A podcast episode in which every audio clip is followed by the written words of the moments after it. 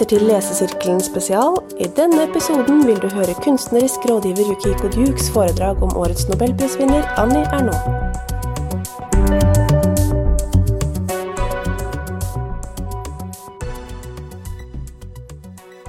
Kjære alle sammen, velkommen hit. Det er jo så stas å se at det er full sal og sånn interesse.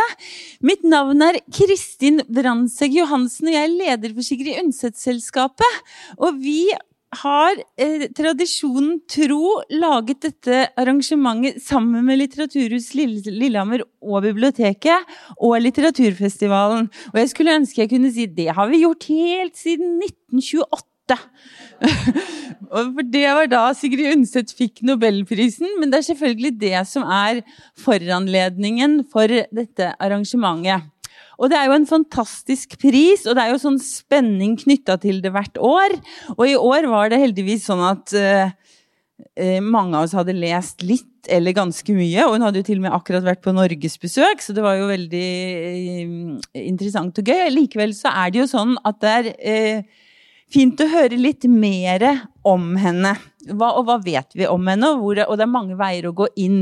Så Derfor er vi veldig glad for at vi i dag, i dag har invitert Yukiko Duke till att komma hit och fortälla oss lite mer om Annie nå. årets eh, nobelprisvinner, hennes författarskap. Välkommen upp till dig. Och I tillägg så har vi Linda Steinhoff, som ska läsa för oss. Och det är något av det viktigaste man också gör på, sånn, eh, på ett sånt sted och vid en sån anledning. Yukiko Duke hon är for de som ikke vet det, så er hun ny kunstnerisk rådgiver for Litteraturfestivalen.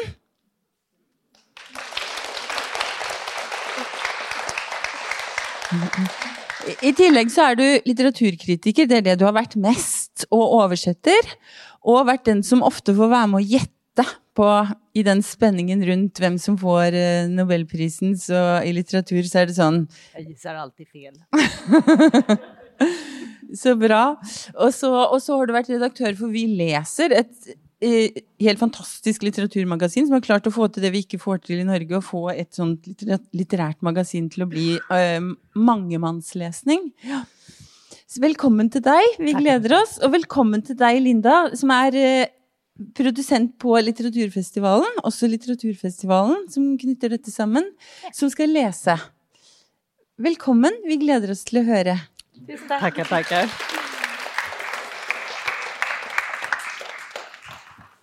Hej, så fint att se er alla här, vad många ni är.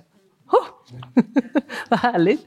Alltså man ska ju välja sina kollegor med omsorg. Ehm, Linda är fantastisk. Hon är, förutom att vara världens bästa producent så är hon också skådespelerska och det kommer ni alldeles snart att få höra prov på.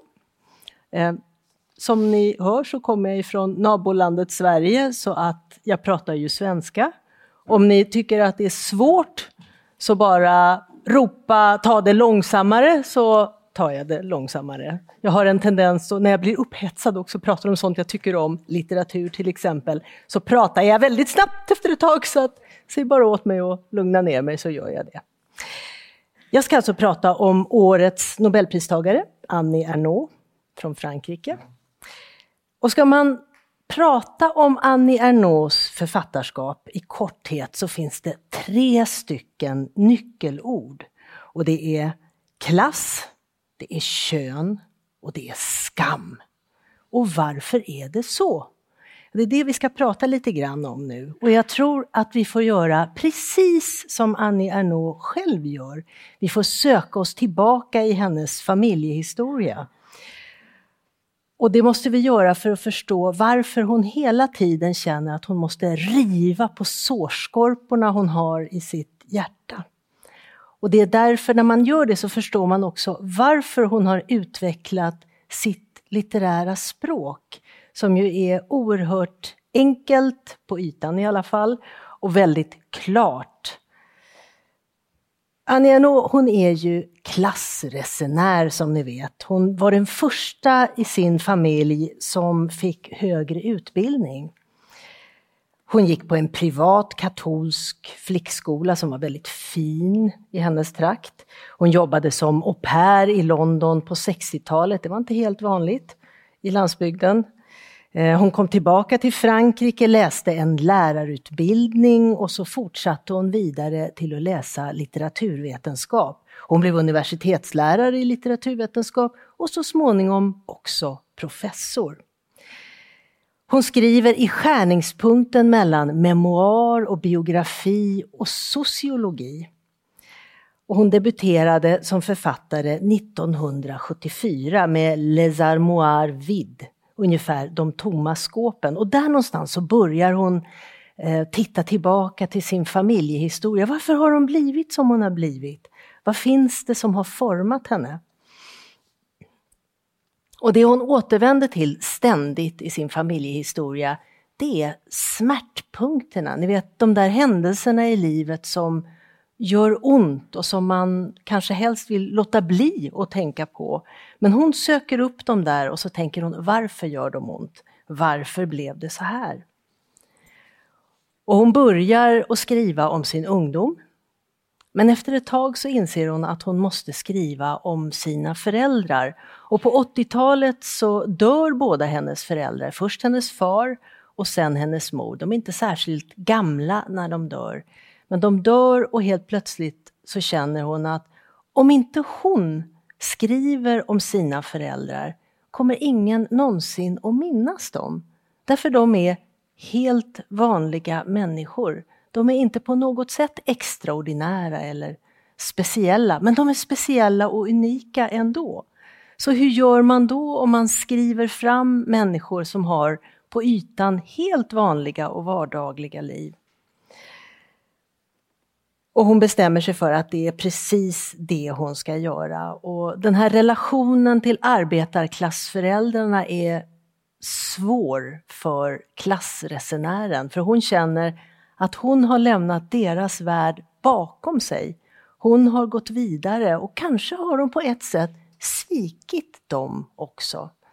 Inte medvetet, men på något sätt så har någonting skett. Man pratar inte längre samma språk.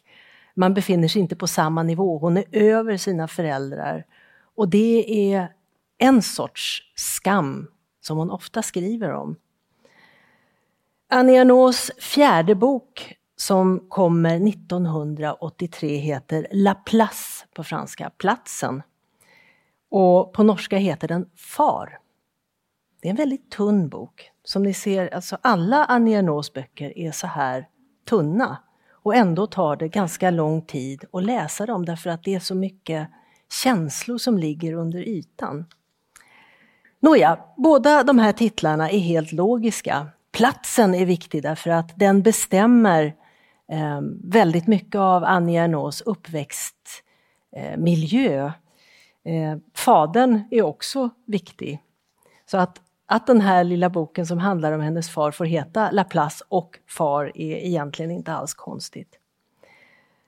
Det hon skriver är vad hon kallar för écriture platt, alltså ett platt skrivande, inget onödigt eh, fluff, inga ordmaränger, utan det ska bara vara platt. Det ska vara det absolut viktigaste, det absolut sannaste. Och därför så tror jag att vi som läser henne blir så väldigt påverkade, därför att det är alla känslor rakt av. Ehm, all skam rakt av. Vi som läser får den i ansiktet så här. Det finns ingenting som förmildrar eller gör något lättare att smälta, utan det som är brutalt, det är brutalt. Det som är ömsint, det är väldigt, väldigt varmt och ömsint. Ehm, men det är mycket som är ganska smärtsamt att läsa. Och när hon, det är när hon börjar skriva Far som hon kommer på. Hon har, som, ni vet som väldigt många författare som börjar skriva det tar ett tag innan de hittar sin stil på vilken måtte de ska skriva. Eh, och för Annie Ernaux så säger det klick när hon håller på och skriver Far. Och hon har skrivit om hur hon bestämde sig för att hon skulle skriva. Får jag be dig läsa?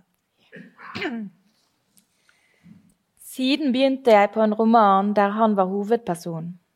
En følelse av vemmelse midt i historien. Jeg har visst en stund at det er umulig å skrive en roman. For å fortelle om et liv underlagt nødvendighetens lov har jeg ikke rett til å innta kunstnerens holdning, heller ikke til å forsøke å lage noe spennende eller rørende. Jeg samler sammen ordene, bevegelsene, fars smak, de begivenhetene som betydde noe i hans liv, alle de objektive tegnene på en eksistens som også jeg har talt del i. Ingen minnenes poesi, ingen festlig latterliggjøring. Helt flat skrivemåte er det mest naturlige for meg.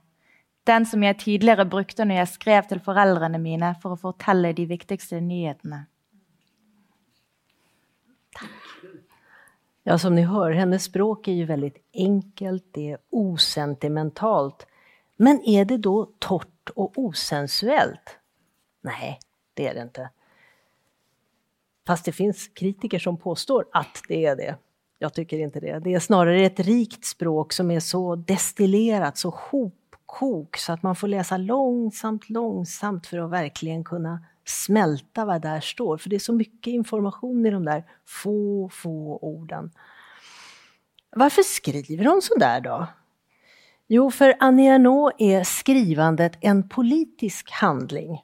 Hon vill öppna läsarens ögon för de sociala skillnaderna, för det är det hon hela tiden skriver om. De ska framstå klart och tydligt och inte sminkas över med vackra fraser. Och någonstans så finns hela tiden en känsla av att man inte får förråda den klass som man kommer ifrån. I en intervju så talar hon om sin stil som en kniv hon använder för att skära bort fiktionens slöjor. Annie Ernaux hon föds 1940 i Normandie. Men berättelsen om henne börjar mycket, mycket tidigare än så. Den börjar på ett repslageri. Heter det repslageri på norska också? Där man gör rep, ni vet. Ja. Och det är en, eh, det är en ganska ny eh, industri som startar i hennes normandiska stad, lilla Yvetot.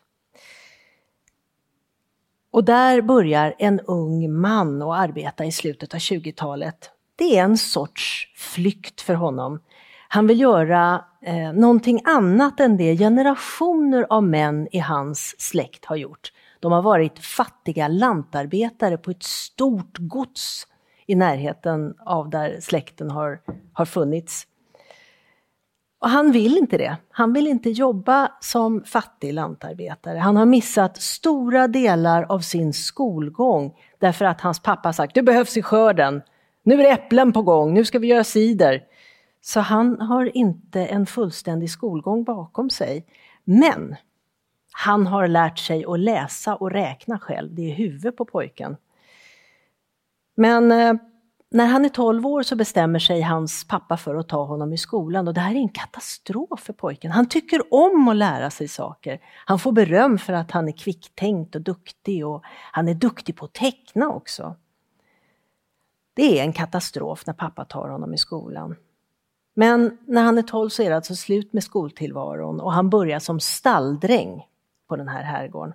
Han tvingas flytta hemifrån och han får bo i stallet tillsammans med några andra småpojkar. Men någonstans så har han förstått att kunskap är makt. Han läser och skriver mycket bättre än sina syskon och väldigt mycket bättre än många andra av lantarbetarna på det här godset. Första världskriget det blir en märklig befrielse för den här unga mannen. För helt plötsligt så kommer han i uniform och i en uniform, ni vet, där finns det en sorts gemenskap mellan alla människor som har uniform på sig. Du ser ingen social skillnad sådär på vem är lägre arbetarklass, vem är medelklass, vem är vad? Det vet man inte riktigt. Det är en befrielse. Och den här unga mannen han får se andra delar av landet. Han kommer till Paris. Han får åka metro för första gången i sitt liv. Det är en hel värld som öppnar sig för honom. Han inser att det finns andra möjligheter, det finns andra liv. Man behöver inte gå på den där herrgården. Och när han kommer hem till sin hemstad så bestämmer han sig för, nej, nu är det nog. Ingen mer herrgård för hans del. Så han tar arbete på det här nystartade repslageriet. Och där jobbar en ung vacker kvinna vars släkt också har varit lantarbetare i flera generationer. Men nu har hela familjen brutit med traditionen. De har alla börjat jobba i repslageriet. Först jobbade de på en margarintillverkning men det var hårt och jobbigt. Så nu har de då allihopa förflyttat sig till det här repslageriet. Och den unga kvinnan hon ser den unge mannen och så tänker hon, han ser inte ut som en arbetare. För hon ser nog någonting hos honom. En vilja att komma någon annanstans, en sorts eh, oro i själen. En känsla av att den här tillvaron räcker inte riktigt. Jag kan annat. Det finns annat att göra. Den unga kvinnan hon har också fått sluta skolan vid 12 års ålder, men för henne spelar inte det så stor roll. Hon var för orolig och för eh, nöjeslysten för att tycka att det var roligt att gå i skolan. Hela hennes familj jobbar alltså som sagt på repslageriet. Det är en högljudd familj, de skriker och ropar och svär. Och eh, den här unga mannen är till att börja med lite reserverad för den här vackra kvinnan som ganska ogenerat närmar sig honom. Och Annie, Annie Ernaux hon har alltså också skrivit om sin mor i boken Infam som kom 1987 när hennes mamma har gått bort efter att i två år ha varit eh, Alzheimers sjuk. På norska heter den här boken En kvinna och där skriver hon så fint om sin mamma. Har du lust att läsa lite? Ja. Mor var den voldsomste og stolteste av dem alle med et opprørsk klarsyn når det gjaldt sin posisjon som underlegen i samfunnet, og en vegring mot å bli bedømt ut fra denne alene. En av hennes hyppige betraktninger om rikfolk. Vi er minst like mye verdt som dem. Hun var en vakker, lyshåret jente, ganske sterk. Folk ville ha betalt for å få helsa mi. Med grå øyne. Hun likte å lese alt hun kunne få tak i, synge nye sanger, sminke seg, gå med vennegjengen på kino, på teater for å se Roger La Honte eller Matre de Forge, alltid innstilt på å unne seg litt moro.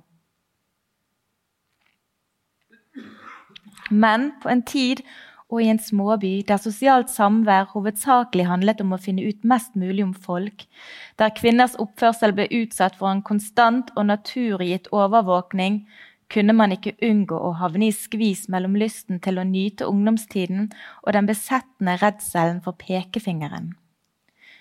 Mor søkte å innrette seg etter den velvilligste dommen en fabrikkjente kunne få. Arbeiderjente, men skikkelig. Så hun gikk i kirken og praktiserte sakramentene, tok imot velsignet brød, broderte på brudeutstyret sitt hos nonnene på barnehjemmet, gikk aldri alene til skogen med en gutt, ante ikke at den krympede skjørtelengden hennes, den gutteaktige frisyren, det freidige blikket og særlig det faktum at hun jobbet sammen med menn, var nok til å forhindre at man betraktet henne som det hun higet etter å være, en anstendig ung pike. Och det där är ju någonting som, som hela tiden går igen och det är någonting Annie Ernaux får höra under sin uppväxt också, att man ska vara anständig. Hel och ren och anständig ska man vara. Jag tycker att just den där boken, som då innehåller de här två berättelserna om föräldrarna, far och kvinnan, är helt fantastisk som introduktion om man vill läsa Annie Ernaux och försöka förstå vem hon är. För det är både en beskrivning av den miljö som formar henne, det är också en förklaring till varför hon skriver som hon gör. Ja, den unga kvinnan på repslageriet, hon ser då den här unge mannen och de förälskar sig förstås till slut. Och de gifter sig, de får en liten dotter och den unge mannen, han tänker att han måste tjäna lite mer pengar än vad han gör. Så han tar jobb hos en takläggare och får mycket bättre betalt än han någonsin har fått på repslageriet. Så att det verkar som lyckan ler mot den här familjen. Men så trillar han en dag ner ifrån ett tak och då säger hans fru, nej, inget mer takläggande för din del. Nu ska vi göra något annat. Nu börjar vi vår affärsverksamhet. Och de här två de belånar sig, de tar stora, stora lån och så köper de en café och mejeributiksverksamhet. Det här är liksom i ett, det finns en disk eh, där man kan köpa varor och så finns det då ett kaféhörn i den här butiken. Eh, det går ganska bra till att börja med. Till den där dagen, det här kaféet ligger i en arbetarstadsdel. Det går väldigt bra till den där dagen då det kommer en dam som proppar på sig en massa varor och så säger hon Tyvärr kan jag inte betala, får jag ta det här på kredit? Och det här paret kommer liksom lite av sig och så säger de, men de har ju full förståelse för att man kan ha dåligt med pengar. Det har de ju själva haft också. Så de säger, ja men låt gå för den här gången då. Och då kommer den ena efter den andra som vill köpa saker på kredit. Och samtidigt har ju familjen stora, stora lån, de behöver få in pengar. Så när de inte får in pengar längre så blir situationen ganska kritisk. De snålar in på vad de äter hemma och de vänder på skjortkragar och de gör en massa saker för att snåla med pengarna. Eh, när det inte riktigt fungerar längre, då blir mannen i familjen, eh, han som sen ska bli Annis pappa, han får ta jobb utanför familjens lilla butik. Och först jobbar han på någon liten industri och sen jobbar han på ett oljeraffinaderi. Och kommer hem och tycker att hela han bara luktar olja hela tiden. Han trivs inte riktigt med jobbet men han avancerar till förman, han får ganska bra betalt. Och sen en dag så blir den lilla dottern sjuk, hon får ont i halsen och så får hon väldigt hög feber. Och den här febern den bara stiger och stiger och stiger. Och ni vet hur det är, ni som har haft barn, att, att småungar de kan ju få sådana där febertoppar och så går det ner. Men den här febern går inte ner, den blir bara högre och högre. Och så visar det sig att det är difteri. Det går i den här staden, i synnerhet i arbetarklasskvarteren. Inga av arbetarklassungarna är vaccinerade förstås. Så det dör ganska många barn och ett av de barnen är paret Ernaus dotter. Och det berättas att när pappa Ernaux kommer hem ifrån oljeraffinaderiet, han har gått iväg och på morgonen så lever hans dotter. När han kommer hem är hon död. Och då häver han upp ett sånt tjut så att det hörs över hela stadsdelen. Och sen går han in i en depression som varar ganska länge.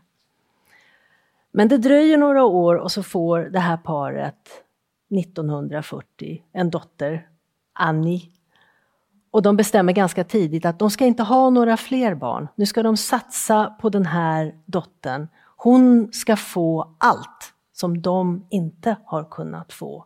Hon ska få den bekymmerslösa barndomen. Och de öser kärlek och Eh, de verkligen snålar in på allt, alla utgifter de har i familjen för att lägga på flickan. Hon ska ha det bästa, hon ska ha nya kläder, hon ska inte behöva skämmas när hon går till skolan för att hon har eh, en gammal väska eller gamla kläder eller så. Och det här är ju också, det är någonting som avspeglar den här, det här föräldraparets viljan att avancera i samhället. Mamman är väldigt inställd på att nu ska man upp, nu ska man bli medelklass. Pappan vill gärna tjäna lite mera pengar men han känner sig inte alls hemma i medelklasstillvaron. Långsamt, långsamt så börjar de närma sig den. Men han känner sig inte hemma. Det är, det är ett annat sätt att vara på, ett annat sätt att tala på. Modern är, hon är som en kameleont, hon känner av sådär att mm, så här säger man, så här rör man sig. Den här typen av kläder ska man ha. Den här typen av hälsningsfraser. Och mannen klarar inte av att läsa den här nya tillvaron. Han blir ganska sluten i sig själv, han tycker att det är ganska jobbigt. Eh, Annie, hon eh, vet ju ingenting annat än den tillvaro hon är i. Men ganska snart så inser hon att hon sätts, hennes mamma som är väldigt ambitiös sätter henne i en katolsk privatskola. Där går eh, medelklassens barn i det här lilla samhället. Eh, och Annie inser ganska snart att hon har det lite sämre ställt än vad klasskamraterna har. Visserligen har hon allting som de har, men det är någonting med sättet att vara på. När hon blir hembjuden till hennes kamrater så är de, de är lite annorlunda föräldrarna. De förhåller sig på ett annat sätt till varann. Hemma hos henne så skriker mamman till pappan och pappan är ganska tyst och inåtvänd. Men ibland får han nog och säger ”Håll käften kärring!” eh, Och det där är ju någonting som hon aldrig får höra av sina kamrater. Och ganska snart så inser hon att det öppnar sig, det börjar öppna sig en liten klyfta mellan henne och hennes föräldrar. Och en gång när hon verkligen känner av det här, det är när hon och pappa går till biblioteket. En söndag etter gudstjenesten, jeg var tolv år, gikk jeg opp den store trappen til rådhuset med far. Vi lette etter døren til folkebiblioteket. Vi hadde aldri vært der. Jeg gledet meg voldsomt. Vi hørte ikke en lyd på den andre siden av døren. Far dyttet den opp likevel. Det var stille. Enda stillere enn i kirken. Parketten knirket, også denne merkelige, gammelmodige lukten. To menn så på oss da vi kom, fra en kjempehøy disk som stengte adkomsten til hyllene. Far lot meg spørre. Kan vi låne bøker? Straks fra en av mennene. Hva slags bøker vil dere låne? Hjemme hadde vi ikke tenkt på at man måtte vite på forhånd hva man ville ha være i stand til å ramse opp titler like lett som navn på kjekspakker. De valgte for oss. Columba til meg, en lett roman av Maupassant til far. Vi gikk ikke tilbake til biblioteket. Det var nok mor som måtte levere bøkene lenge etter fristens utløp. Jag tycker att Anja Ernaux mästerskap ligger i det här. Ni vet ju hur hon berättar i små, små scener så här. Men varje scen är som en, en, som en slipad diamant. Man förstår verkligen vilka känslor som rör sig inuti den lilla flickan och hennes pappa när de inser att de inte behärskar de kulturella koderna. Aj då, man skulle ha vetat vad man skulle ha när man kom till biblioteket. Det gick inte bara att fråga efter en bok. Och så där håller det på. Det, till att börja med så, eftersom fadern är lite stolt över att han, han har läst in sig en massa fast han då har fått sluta skolan som tolvåring. Han läser tidningen, han försöker bilda sig så gott det går. Och för att visa för sin dotter att han faktiskt också kan så ber han att få förhöra henne på läxorna. Och det gör de. Hon kommer hem med sina skolläxor, han förhör henne och sen säger han Kan inte du förhöra mig? Och så lämnar han över skolböckerna. Och så sitter de sådär och, och förhör varann och det visar sig att hennes pappa kan ju en hel del. Och där finns någon sorts jämvikt, men det där det skevar ju till sig lite grann när hon kommer upp i gymnasiet och det blir mer och mer komplicerade saker som ska läsas. Och då hänger inte pappa med längre. Och då vill han helt plötsligt inte längre läsa med henne, då får hon läsa själv. Och hon går in på sitt rum och hon börjar bli tonåring, ni vet, så där jobbig som man är ändå i den där åldern. Men hon stänger dörren om sig och går bara ner när hon ska äta mat med föräldrarna. Hon säger nästan ingenting under måltiderna längre. Det finns en, en liten kategorisering som hon gör under de där åren av vad, hur hon ser på sin pappa. Far kom i kategorin enkla folk, eller beskedna eller kjekke folk. Han våget ikke lenger fortelle meg historier fra barndommen. Jeg snakket ikke lenger til ham om leksene. De var uforståelige for ham, bortsett fra latinen, siden han hadde hjulpet til under gudstjenesten.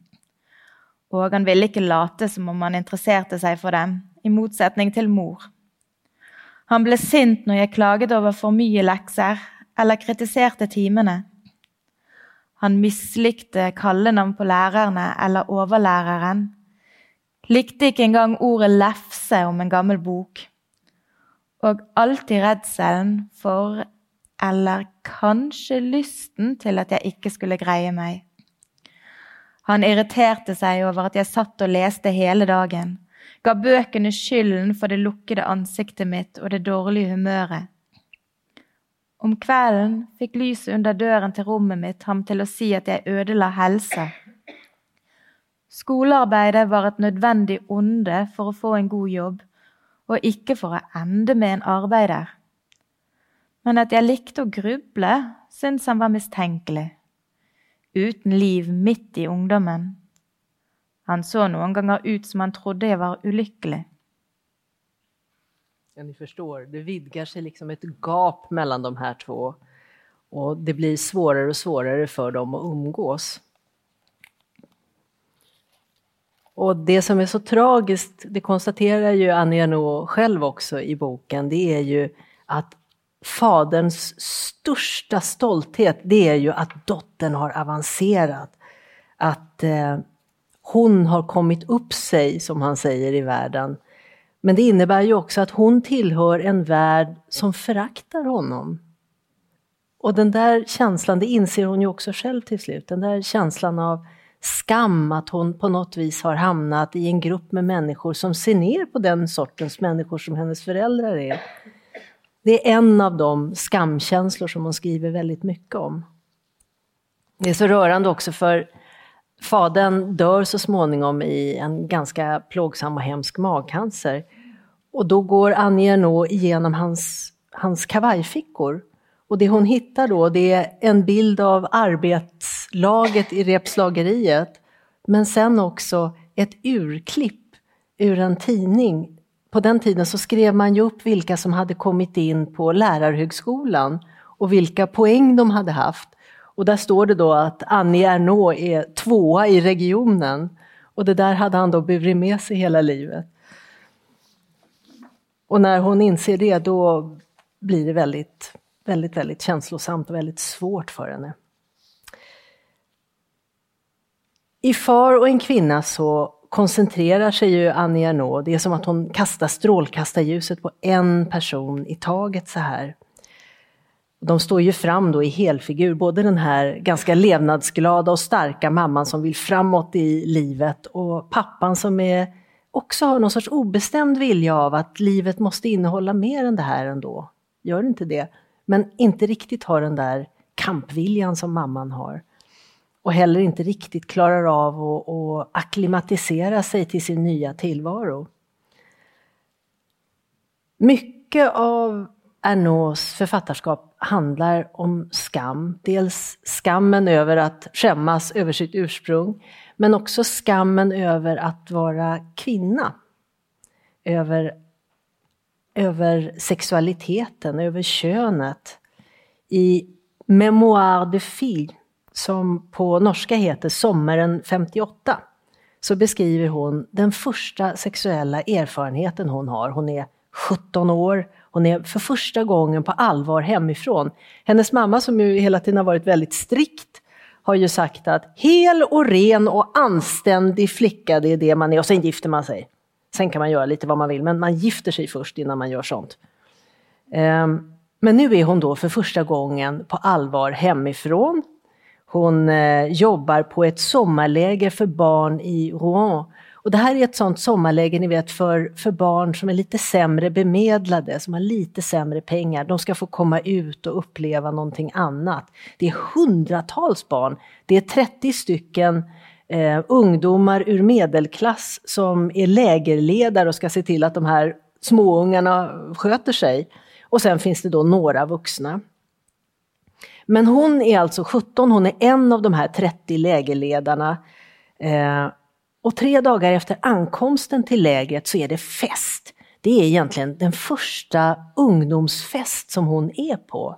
Där det inte finns några vuxna som liksom övervakar den. Eh, det är ganska mycket sprit, det är ganska mycket dans.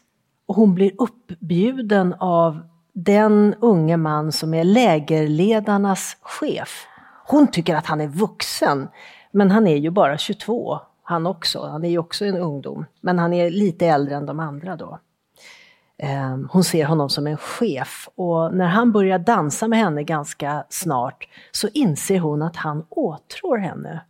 Och det här är ju otroligt upphetsande för henne. Någon intresserar sig för henne. Ehm, en man gör det. Och hon inser att han vill ha henne i säng. Hon är smickrad men hon är inte riktigt med på noterna. Och så skriver Annie Ernaux om detta. Många, många, det tar så lång tid innan hon överhuvudtaget klarar av att skriva om det här. Så det här är inte många år sedan hon skrev den här boken. Har du lust att läsa lite? De är på hennes rum i mörke. Hon ser inte vad han gör. I detta ögonblick tror hon stadig att de ska fortsätta att kyssa och kjærtegne varandra på sängen med kläderna på. Han säger kle av deg. Siden han bød henne opp til dans, har hon gjort alt han har bedt henne om. Det er ingen forskjell mellom det som bare skjer henne, og det hun selv foretar seg. Hun legger seg ned ved siden av ham på den smale sengen, naken. Hun får ikke tid til å venne seg til hans fullstendige, hans fullstendige nakenhet, hans nakne mannekropp. Hun kjenner straks hvor enormt stort og stivt lemmet hans er idet han støter det inn mellom lårene hennes. Det gjør vondt. Hun sier hun er jomfru, som et forsvar eller en forklaring. Hun skriker.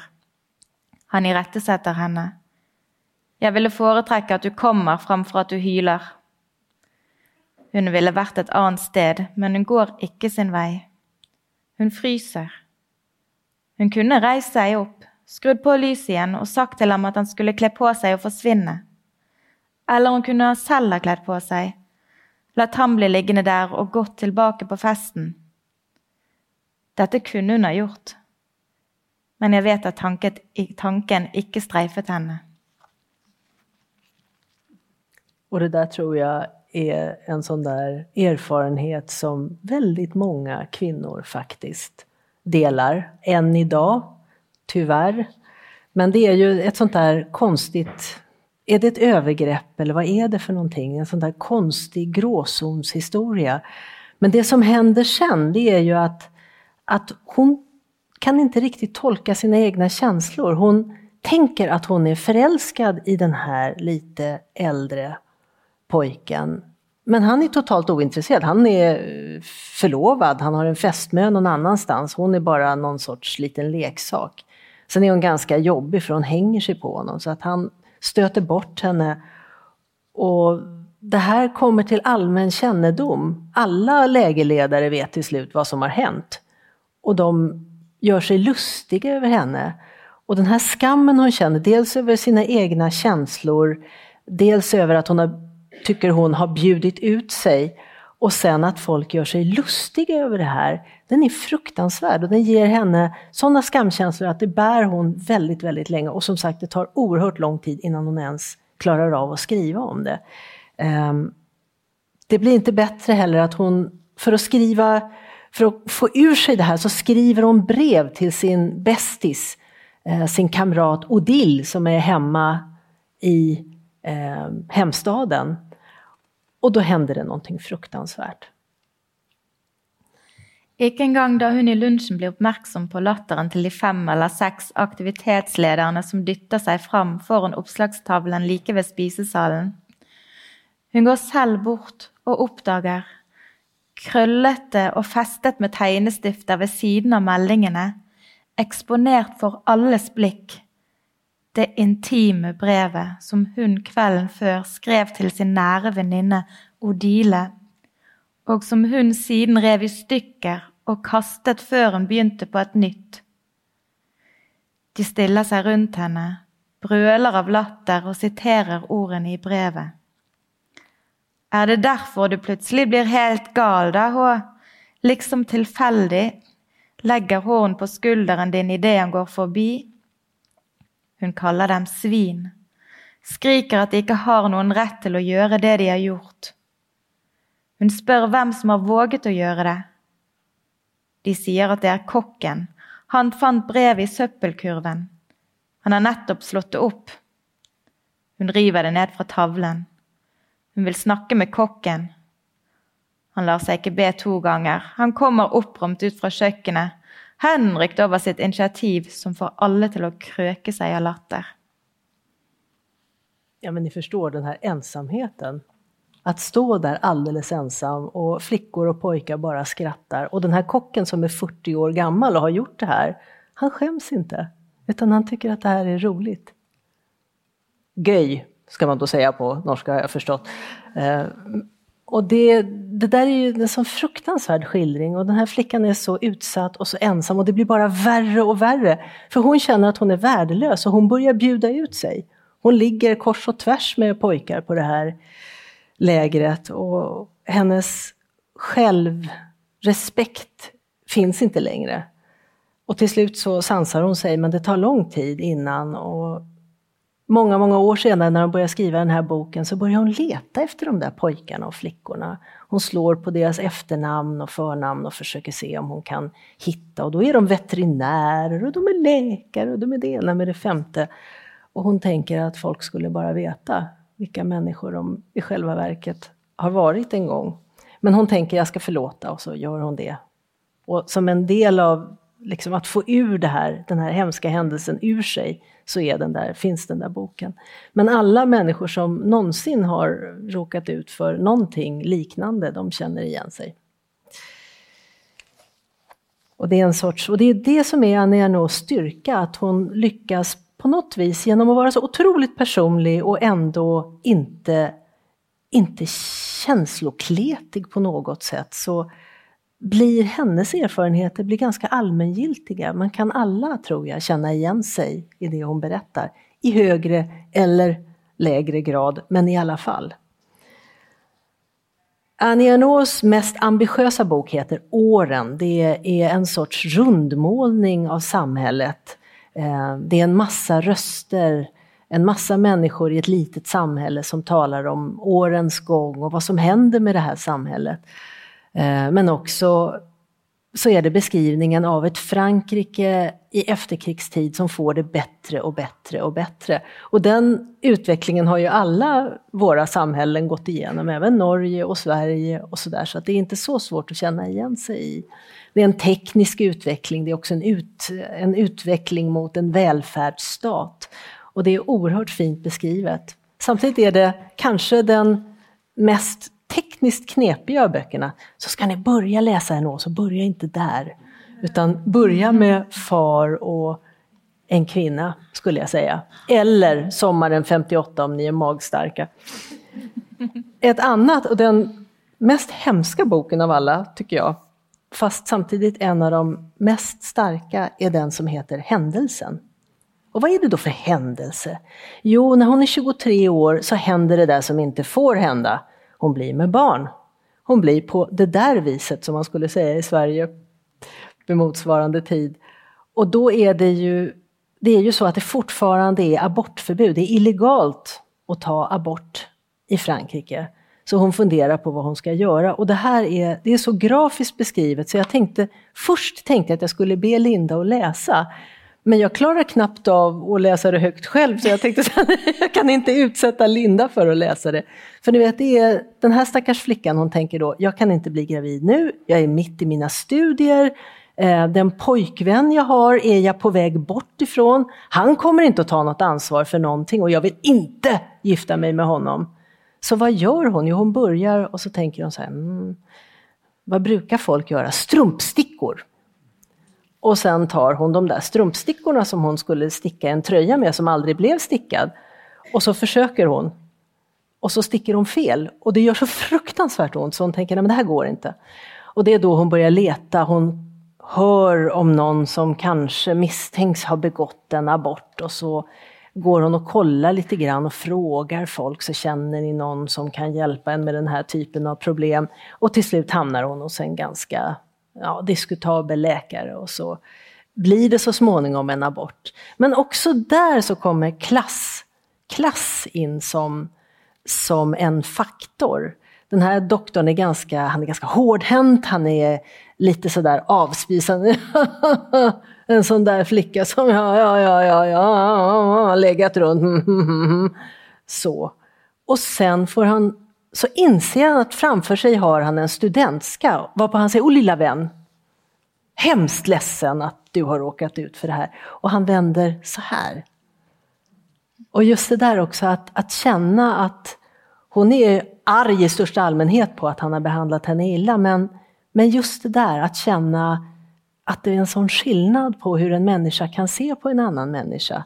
Eh, faktum är detsamma, framför sig har han en, en gravid ung kvinna som har ett problem, hon kan inte föda det här barnet. Men från att vara, ja ja, slampa, arbetarklass, ha, till, oh en studentska, oh, men det förstår vi att det här går ju inte för sig. Så är ju avståndet milsvitt och hon känner det där. Och hon mår inte bra över det. Och det är också en sån där en känsla av skam. Dels över att hon är gravid. Varför ska hon, vara, varför ska hon vara, känna någon skam över det? Men jo, men det gör hon. Hon har inte klarat av att inte bli gravid utan där är hon nu i, i problem.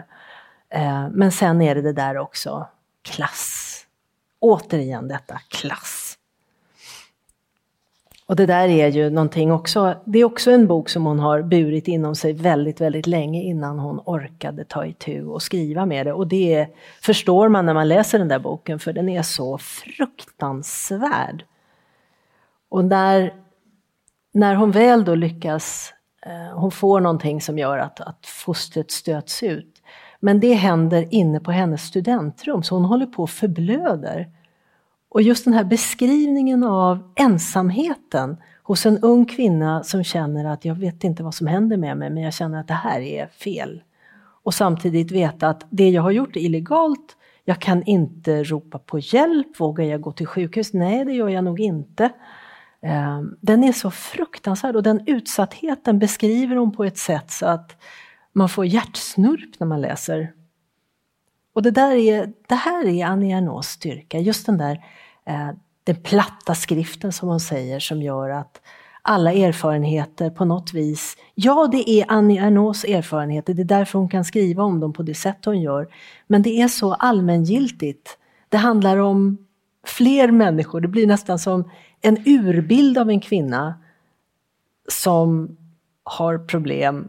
Och det är så många som kan känna igen sig i det här där är hennes genialitet och det är det jag tror att hon har fått Nobelpris för. Därför att hon på något vis lyckas ringa in en allmän känsla av vad det är att vara kvinna, vad det är att vara arbetarklass och vad det är att vara klassresenär. Många har skrivit om det, men inte så starkt som Annie Ernaux har gjort. Och för henne är som sagt var skrivandet starkt politiskt. Och mot slutet av eh, den där boken, nej den här boken, förlåt, Händelsen, så skriver hon Och det sanna målet med mitt liv är kanske bara detta. Att min kropp, mina känslor och mina tankar ska bli till skrivande. Det vill säga någonting begripligt och allmänt spritt. Min existens fullkomligt upplöst i andra människors huvuden och liv. Och det tycker jag är en helt genial sammanfattning av precis vad det är hennes litteratur gör med läsaren. För man bär på något vis med sig hennes berättelser men samtidigt så ser jag så många andra människor jag känner som har gått igenom hemska erfarenheter i, i sin första sexuella eh, första sexuella debuten då eller med någon man som de inte riktigt har vetat var de har haft någonstans. Eh, skillnaden, gråzonen mellan en våldtäkt och eh, ett, ett samlag som två personer är med på. Eh, det är så mycket sånt där som, som, som liksom ger återklang i, i, i läsaren själv. Här tänkte jag egentligen sätta punkt. Um, är det så att, vill, vill ni fråga någonting? Jag är ju ingen Ernaux-expert på något vis, men, men vi kan ju försöka svara. Vad hon studerade? Litteraturvetenskap. Ja, så att hon började, hon skulle egentligen ha börjat som lärare men hon tyckte inte att det var roligt. Hon tyckte inte det var grej utan hon ville göra någonting och samtidigt så var det just det där med vad gör litteraturen med oss? Hon var intresserad av det. Så började hon skriva på en doktorsavhandling. Eh, det blev ingenting av den där doktorsavhandlingen, men, men hon blev professor ändå hon.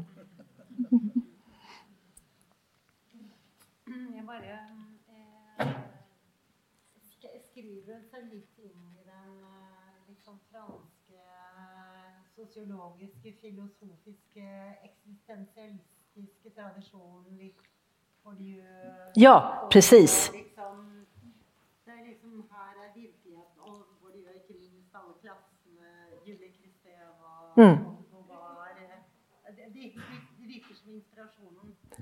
väldigt Nu har vi, om ni inte hörde så har vi en, en klok och beläst eh, lys- åhörare här som säger att det finns ju naturligtvis också band mellan Annie Ernaux och den här tidens, när hon är väldigt aktiv, den tidens stora filosofer som Pierre Bourdieu som ju är sociolog som ni vet, som pratar om, han pratar inte om klass, han pratar om sociala fält.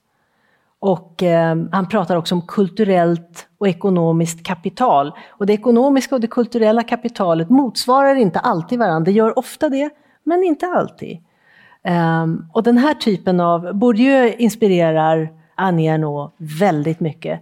Eh, Julia Kristeva också, men då handlar det mer om sexualitet och kön. Men just det där, det här med tänkandet att det finns egentligen inte klasser så här. Det går inte att dela in folk i klasser på det här sättet som vi traditionellt gör, utan just de här sociala fälten är ett smartare sätt att ringa in folk på. Eh, man kan vara oerhört fattig men samtidigt väldigt, väldigt beläst.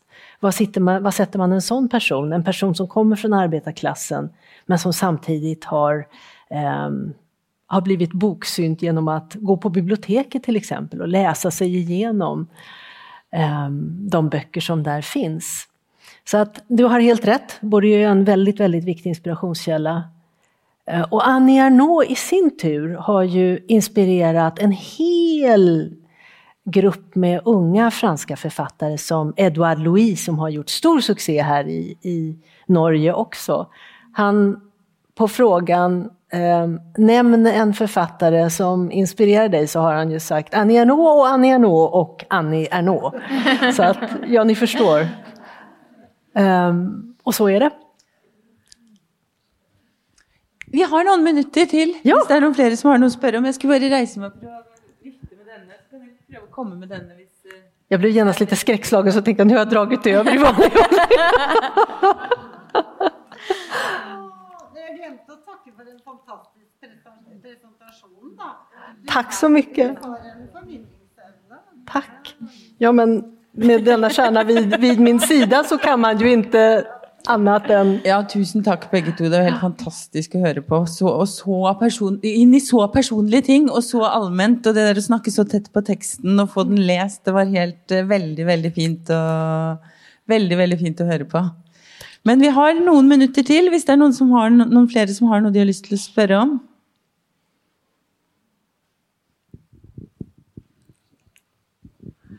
Jeg lurte veldig på en boktittel, for jeg leste 'Far', skråstrek, en kvinne. Og så skriver han om, hun skriver om faren og mora. Så lurte jeg på hvorfor skrev hun ikke mor, men far og så en kvinne? Jeg grubler, kanskje ikke det er noe der, men jeg lurte litt. Alltså det är ju lite speciellt. Jag tror att hon, hon är lite kluven. Ehm, det här, Far är ju då hennes fjärde bok. Hon har försökt att, om ni läser henne så vet ni att, att hon skriver jag som att det är personliga erfarenheter som hon, hon skriver om och samtidigt så försöker hon på något konstigt sätt att inte bli alltför känslodriven eller hon vill liksom vara som ett, ett sorts lite objektivt öga. Så jag tror att, och den heter ju inte far till exempel då på franska utan den heter une place, en plats. Ehm, men mor hade den ju kunnat heta men den heter då une femme istället, en kvinna. Men jag tror att det är ett sätt att liksom, ehm, hur ska vi säga, ehm, att inte anonymisera, men förstå mig rätt, alltså att, att, inte ska, att folk i hennes hemtrakt inte ska säga ja, det är Madame Ernaux hon skriver om, utan det ska vara mer allmängiltigt. Du ska kunna känna igen någon som du tycker att du känner, känner väl. Och jag ska kunna känna igen någon och du ska kunna känna igen någon. Att det ska vara eh, ett sätt att försöka närma sig någon sorts allmän, allmän erfarenhet för en kvinna i den generationen nästan var som helst i västvärlden. Jag tror det. Jag vet inte. Det får vi nästan fråga Nene om nästa, nästa gång hon kommer hit. Det, er, noen år siden jeg leste både Bourdieu og Foucault. Men jeg, altså jeg husker ikke hvem av de, men en av de sier du blir, forblir i ditt felt. Altså, du kommer ikke ut av det. Nei. Den andre sier at ja, du kan overskride det. Altså er, og det gir jo et uh, form for håp. En for, for, for det du beskriver, jag har inte läst den, men det du beskriver, är ju ganska, det är ganska tungt. Alltså, du, du, du, kommer nästan inte ut av den, eh, det fält eller den klassen du har fött i, eller kön och så vidare. Ger hon någon hopp för eh, eh, uh, uh, uh, en möjlighet, en ändring, en uh. Eller är du liksom dömd till uh, å din skepnad? eller uh, Alltså det är ju det är ju väldigt dubbelt för henne. Hon är ju en otroligt framgångsrik person. Hon är en av Frankrikes mest lästa författare. Hon har inspirerat så många. Hon är älskad. Um, och hon appellerar till så mycket kvinnor i helt andra länder än Frankrike. Så att hon vet ju att hon är lyckad. Det vet hon ju. Och samtidigt så tror jag att det hon skriver om den här skamkänslan, känslan av att, att någonstans så har alla velat att hon ska klara sig lite, alltså alla hennes föräldrar har velat att hon ska klara sig lite bättre än vad de har gjort.